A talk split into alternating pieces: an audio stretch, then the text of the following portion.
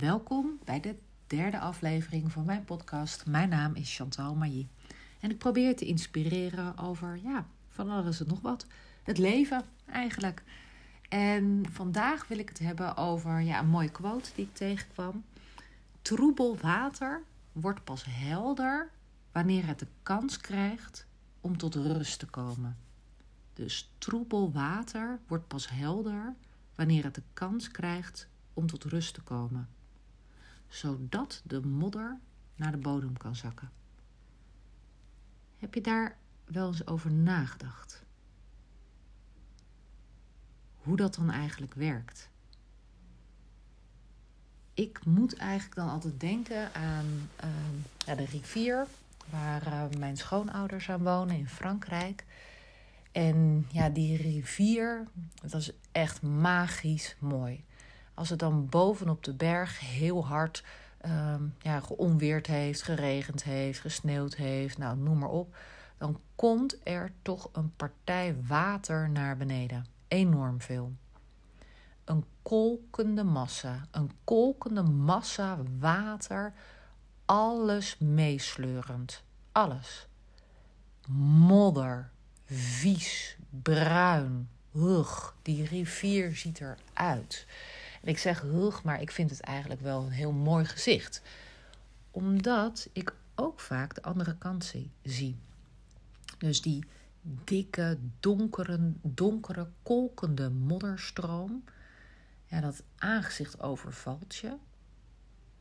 Maar dan vervolgens is het weer voorbij. Er is weer rust in de bergen.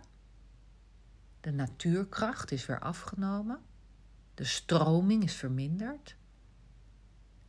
En ineens wordt dat donkere, dikke, kolkende, modderige water wordt dan veranderd in een stroom helder kabbelend water. Zo wonderlijk en zo bijzonder. Dus je ziet dat er echt een verandering is. En ja, ik ben er ook achter gekomen dat het echt heel erg belangrijk is om de kans te geven, jezelf de kans te geven, om de modder te laten zakken, om tot rust te komen. Zodat het water weer helder wordt. Dat je het ook weer helder kunt zien. Dat is eigenlijk mijn metafoor. Want soms overlaat het leven je met allerlei zorgen, allerlei dingen die op je pad komen waarvan je denkt van jee, waarom krijg ik het op mijn pad? Het is te veel, het is heftig. Je zit echt in een soort van achtbaan qua emoties.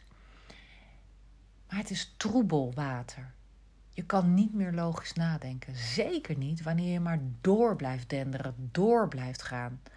Daar ben ik heel erg goed in hoor geweest. Echt enorm. Ik ging maar door. Altijd bezig met een ander. Altijd aan het zorgen voor een ander. Altijd maar bezig met bouwen aan mijn bedrijf.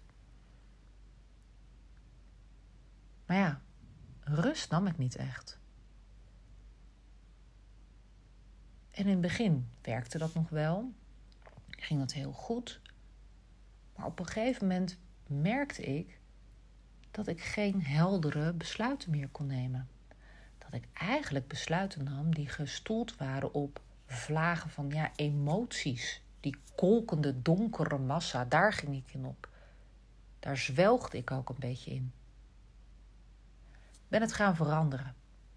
En dat is eigenlijk veranderd in het, uh, nou, de eerste lockdown. Ik was alleen maar bezig met mijn kinderen, thuisonderwijs, met mijn praktijk, mijn cliënten, mijn collega's om die te coachen, met vrienden, met familie. En mezelf cijferde ik compleet weg. Ik nam geen rust voor mezelf. Ik bleef maar doorgaan. Was ook nog bezig met het opbouwen van een bedrijf voor een ander bedrijf dan dat ik al had. Ik ging maar door. En ik werd moe. En zagrijnig, dat geef ik eerlijk toe. Toen ben ik gaan wandelen, want mijn man die gaf uh, mij toch wel even de tip om even wat tijd en ruimte voor mezelf te pakken. Die had het wel zien aankomen natuurlijk. Andere mensen zien het vaker eerder aankomen dan jijzelf. Dus nou, hij zei: joh, hup, ga wandelen. Even een uurtje voor jezelf, even naar buiten. Dus ik ben gaan wandelen, elke dag een uurtje. En uh, in de regen, maakte niet uit, ik ging weg. Uh, in het begin had ik mijn uh, oortjes in, muziekje luisteren, podcastje op. Maar op een gegeven moment ben ik daar ook mee gestopt. Alleen maar gewoon lopen. Even niets, geen prikkels. Tot rust komen.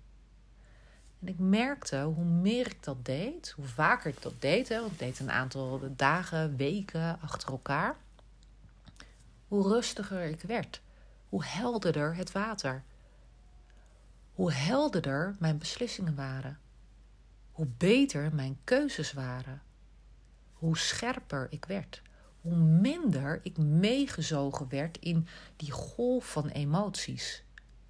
Ik kon veel beter die emoties scheiden. Veel beter voelen.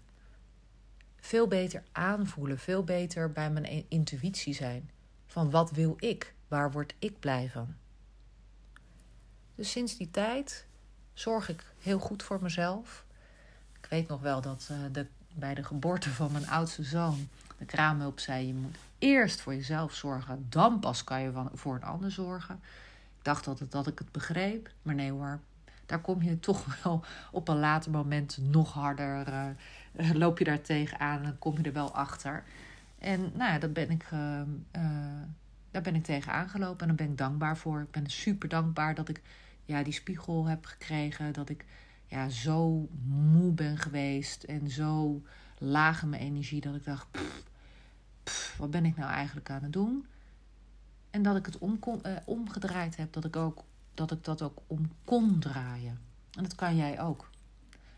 Jouw troebele water maakt niet uit waar je nu in zit. Ook al zie je op dit moment geen uitvlucht. Ook al denk je, pff, laat maar zitten. Ook al denk je, het komt nooit meer goed. Pak je rust. Zorg goed voor jezelf. Ook al is het een kleine wandeling. Het hoeft niets te kosten. Hè?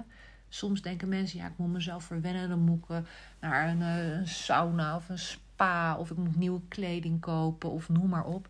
Nee, het hoeft niets te kosten. De natuur in, naar buiten. Even niets, geen prikkels om je heen. Even zelf lopen, bewegen. Hartstikke goed. En je zult zien dat ondanks die donkere tijd waar je in zit, ondanks dat troebele water, dat op een gegeven moment dat water weer, weer helder wordt. Dat je weer een uitvlucht hebt. En dat je ziet hoe mooi het leven is.